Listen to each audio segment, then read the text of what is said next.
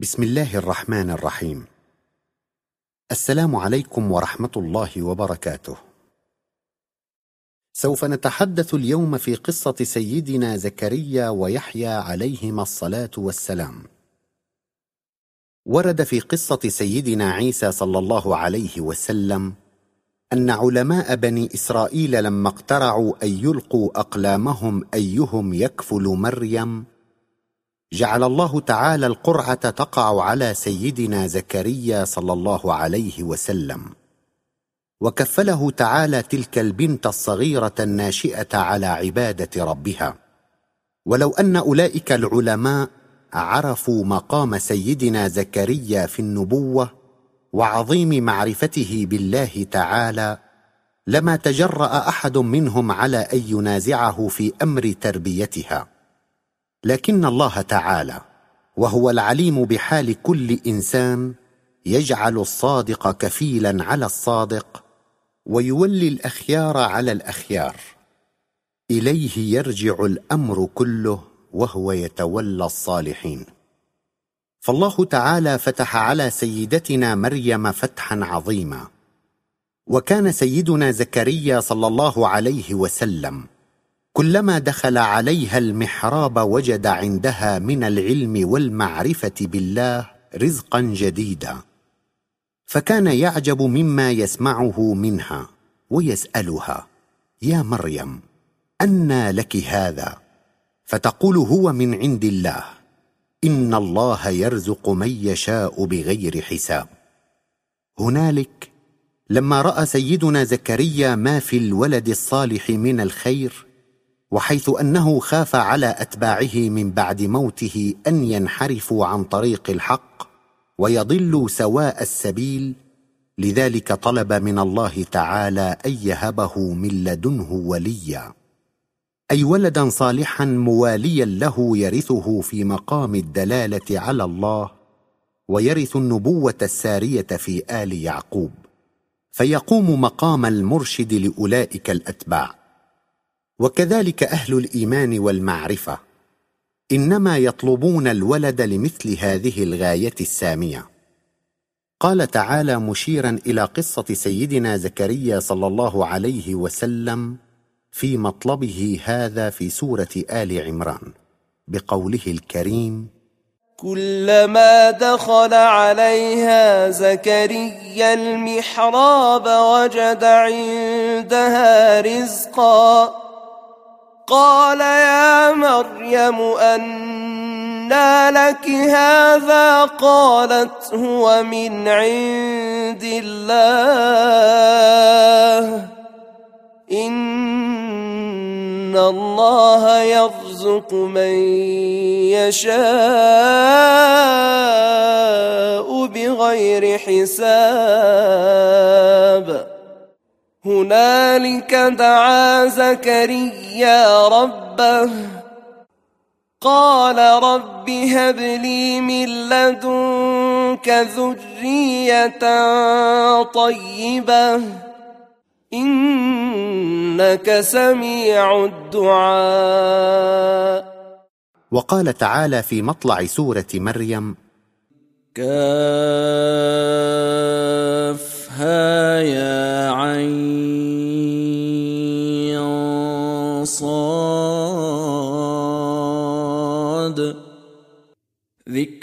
رحمة ربك عبده زكريا.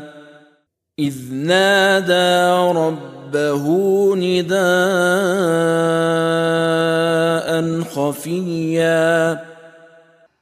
قال رب إني وهن العظم مني. واشتعل الرأس شيبا ولم أكن بدعائك رب شقيا. وإني خفت الموالي من ورائي وكانت امرأتي عاقرا فهب فهب لي من لدنك وليا. يرثني ويرث من آل يعقوب. واجعله رب رضيا. وقد سمع الله تعالى ذلك النداء الخفي الصادر من تلك النفس المؤمنة بربها. واستجاب تلك الدعوة المنبعثة من قلب مؤمن موقن بأن الله تعالى لا بد مجيب دعاءه فليس على الله بعزيز أن يهبه ولدا. ولو أن امرأته كانت عاقرة ولو أنه اشتعل رأسه شيبا وبلغ من الكبر عتيا. ولذلك أرسل الله تعالى الملائكة تبشره بيحيى. وأشار تعالى إلى ذلك بقوله الكريم في سورة آل عمران فنادته الملائكة وهو قائم يصلي في المحراب أن الله يبشرك بيحيى أن الله يبشرك بيحيى مصدقا بكلمة من الله وسيدا وحصورا وسيدا وحصورا ونبيا من الصالحين كما أشار تعالى إلى ذلك في موضع آخر من القرآن الكريم فقال سبحانه يا زكريا إنا نبشرك بغلام اسمه يحيى لم نجعل له من قبل سميا. قال رب أنا يكون لي غلام وكانت امرأتي عاقرا وقد بلغت من الكبر عتيا. وقد سأل سيدنا زكريا ربه بقوله قال رب أنى يكون لي غلام وكانت امرأتي عاقرا وقد بلغت من الكبر عتيا. لا سؤال المستعجب المستغرب. فإن الأنبياء الذين عرفوا عظمة الله تعالى وقدرته على كل شيء لا يستبعدون على الله شيئا. بل إنما كان سؤاله كسؤال سيدنا إبراهيم صلى الله عليه وسلم لما قال واذ قال إبراهيم رب ارني كيف تحيي الموتى قال أولم تؤمن؟ قال بلى ولكن ليطمئن قلبي. أي بلى يا رب آمنت بذلك إيمانا غيبيا. غير أني أريد بسؤالي هذا أن تريني الكيفية التي يكون بها الإحياء. فيكون إيماني بهذا إيمانا شهوديا. هنالك أجابه الله تعالى بما أشارت إليه الآية الكريمة في قوله عز وجل. قال فخذ أربعة من الطير فصرهن إليك ثم اجعل على كل جبل منهن جزءا ثم اجعل على كل جبل منهن جزءا ثم يأتي يأتينك سعيا. واعلم أن الله عزيز حكيم. وهكذا. فقد طلب سيدنا زكريا من ربه أن يعرفه بالكيفية أي الطريق التي سيكون بها الولد. قال رب أنى يكون لي غلام. أي أريد بسؤالي هذا أن أعرف الكيفية التي سيكون بها الولد. فأجابه الله تعالى بما أشارت إليه الآية الكريمة في قوله تعالى قال كذلك. أي مع هذا الحال الراهن الذي أنت وزوجك فيه سيكون لك الولد. فمن امرأتك هذه ومنك أنت وقد بلغت هذا السن. ثم فصل تعالى ذلك بقوله الكريم قال ربك هو علي هين وقد خلقتك من قبل ولم تك شيئا. هنالك طلب سيدنا زكريا صلى الله عليه وسلم من ربه أن يجعل له آية أي إشارة ودليلا يتعرف به إلى الوقت الذي سيهبه الله تعالى فيه ذلك الغلام. قال تعالى في سورة آل عمران. قال رب اجعل لي آية. قال رب اجعل لي آية. قال آيتك ألا تكلم الناس ثلاثة أيام إلا رمزا. وبالآية الثانية في سورة مريم قال رب اجعل لي آية. قال آيتك ألا تكلم الناس ثلاث ليال سويا. وفي يوم وجد سيدنا زكريا نفسه في حال لا يستطيع معه الكلام. قال تعالى فخرج على قومه من المحراب فأوحى إليهم فأوحى إليهم أن سبحوا بكرة وعشيا. وقد نفذ الله تعالى وعده لنبيه فأصلح له زوجه ووهبه يحيى.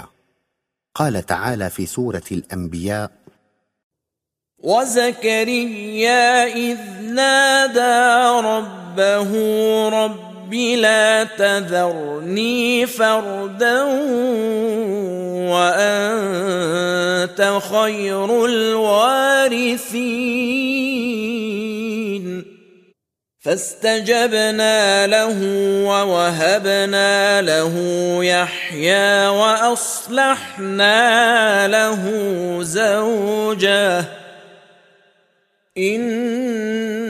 إنهم كانوا يسارعون في الخيرات ويدعوننا رغبا ورهبا وكانوا لنا خاشعين. وقد أمر تعالى سيدنا يحيى أن يأخذ الكتاب أي التوراة بقوة بأن يقوم بتبليغها على حقيقتها مبينا شذوذ الناس عنها بجرأة لا يخشى في الحق لومة لائم. وآتاه الله تعالى الحكم صبيا أي علمه كيفية وضع كل حكم من أحكام التوراة في موضعه شرحا وتبيانا وايضاحا لحكمته العلية.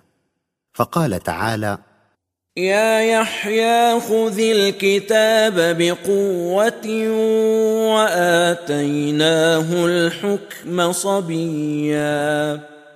ثم بين لنا تعالى من طوى عليه قلب هذا النبي الكريم من الحنان وما تحلت به نفسه من الزكاة أي الطهارة. وبين تعالى أن الحنان والطهارة النفسية إنما يشتقها العبد من الله تعالى فقال وحنانا من لدنا وزكاة وكان تقيا. ثم بين لنا تعالى أن التقوى أي أن الاستنارة بنور الله تعالى هي الأصل لا بل هي الطريق الموصلة إلى الحنان والزكاة. فقال تعالى وكان تقيا. ثم أتبع ذلك بقوله الكريم وبرا بوالديه ولم يكن جبارا عصيا. والآن بعد أن بينا قصة سيدنا زكريا ويحيى عليهما الصلاة والسلام. لابد وأن نتعرض إلى نقطة هامة كثرت فيها الأقاويل الباطلة.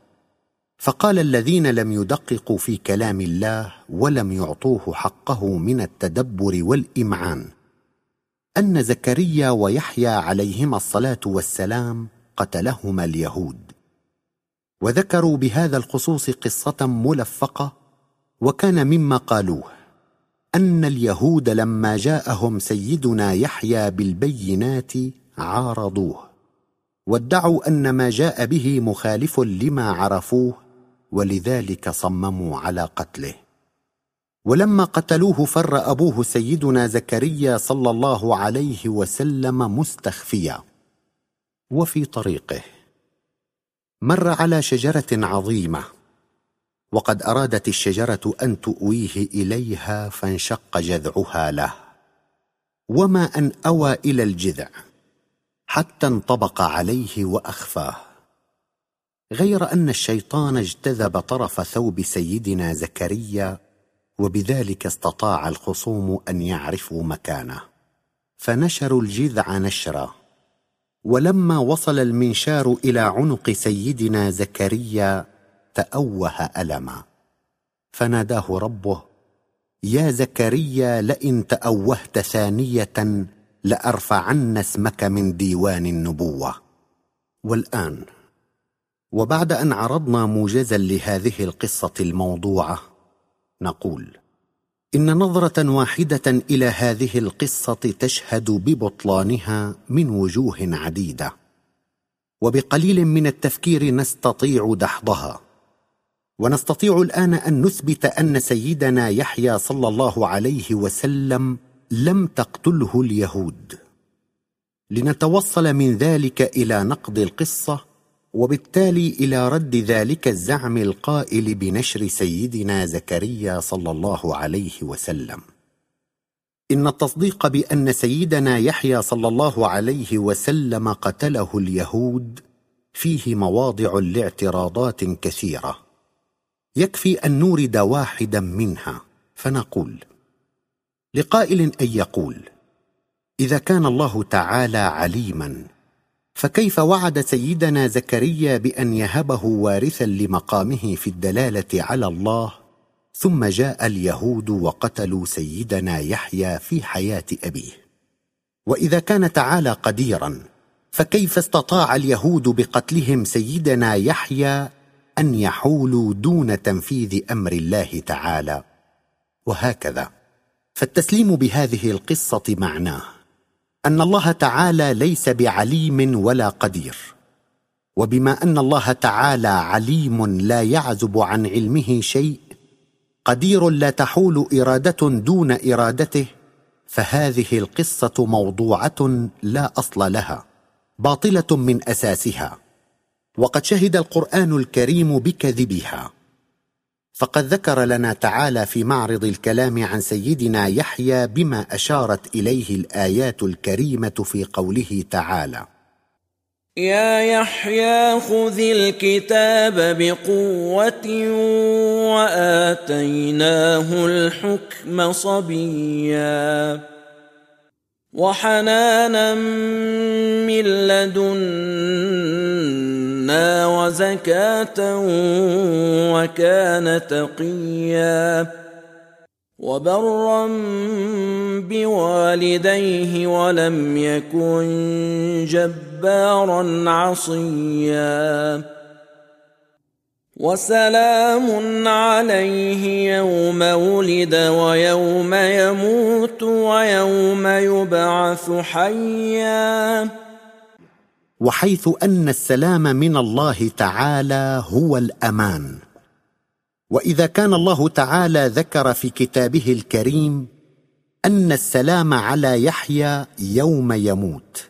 فمعنى ذلك أنه لم يجرؤ أحد على التعرض له. وهكذا فقد عاش سيدنا يحيى بعد أبيه وقام مقام المرشد لأتباع أبيه. فكان دليلا لهم على الله وسلام عليه يوم ولد ويوم يموت ويوم يبعث حيا. والحمد لله رب العالمين. فقال الذين لم يدققوا في كلام الله ولم يعطوه حقه من التدبر والإمعان. أن زكريا ويحيى عليهما الصلاة والسلام قتلهما اليهود. وذكروا بهذا الخصوص قصة ملفقة وكان مما قالوه. أن اليهود لما جاءهم سيدنا يحيى بالبينات عارضوه وادعوا أن ما جاء به مخالف لما عرفوه ولذلك صمموا على قتله. ولما قتلوه فر أبوه سيدنا زكريا صلى الله عليه وسلم مستخفيا. وفي طريقه مر على شجرة عظيمة. وقد أرادت الشجرة أن تؤويه إليها فانشق جذعها له. وما أن أوى إلى الجذع حتى انطبق عليه وأخفاه. غير أن الشيطان اجتذب طرف ثوب سيدنا زكريا وبذلك استطاع الخصوم أن يعرفوا مكانه. فنشروا الجذع نشرا. ولما وصل المنشار إلى عنق سيدنا زكريا تأوه ألما. فناداه ربه يا زكريا لئن تأوهت ثانية لأرفعن اسمك من ديوان النبوة. والآن وبعد أن عرضنا موجزا لهذه القصة الموضوعة نقول إن نظرة واحدة إلى هذه القصة تشهد ببطلانها من وجوه عديدة وبقليل من التفكير نستطيع دحضها. ونستطيع الآن أن نثبت أن سيدنا يحيى صلى الله عليه وسلم لم تقتله اليهود. لنتوصل من ذلك إلى نقد القصة وبالتالي إلى رد ذلك الزعم القائل بنشر سيدنا زكريا صلى الله عليه وسلم. إن التصديق بأن سيدنا يحيى صلى الله عليه وسلم قتله اليهود فيه مواضع لاعتراضات كثيرة. يكفي أن نورد واحدا منها فنقول لقائل أن يقول إذا كان الله تعالى عليما فكيف وعد سيدنا زكريا بأن يهبه وارثا لمقامه في الدلالة على الله ثم جاء اليهود وقتلوا سيدنا يحيى في حياة أبيه؟ وإذا كان تعالى قديرا فكيف استطاع اليهود بقتلهم سيدنا يحيى أن يحولوا دون تنفيذ أمر الله تعالى. وهكذا. فالتسليم بهذه القصة معناه أن الله تعالى ليس بعليم ولا قدير. وبما أن الله تعالى عليم لا يعزب عن علمه شيء قدير لا تحول إرادة دون إرادته فهذه القصة موضوعة لا أصل لها باطلة من أساسها. وقد شهد القرآن الكريم بكذبها. فقد ذكر لنا تعالى في معرض الكلام عن سيدنا يحيى بما أشارت إليه الآيات الكريمة في قوله تعالى. يا يحيى خذ الكتاب بقوة وآتيناه الحكم صبيا.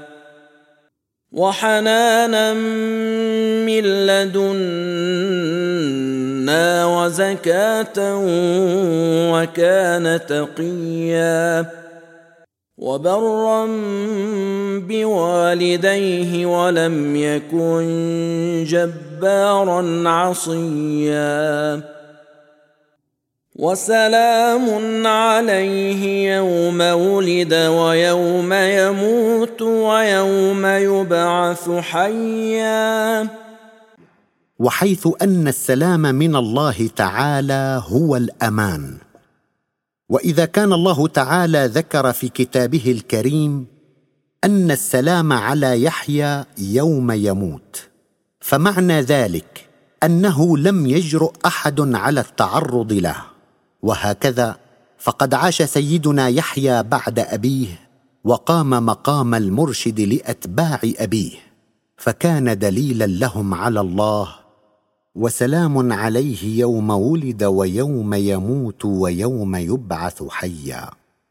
والحمد لله رب العالمين.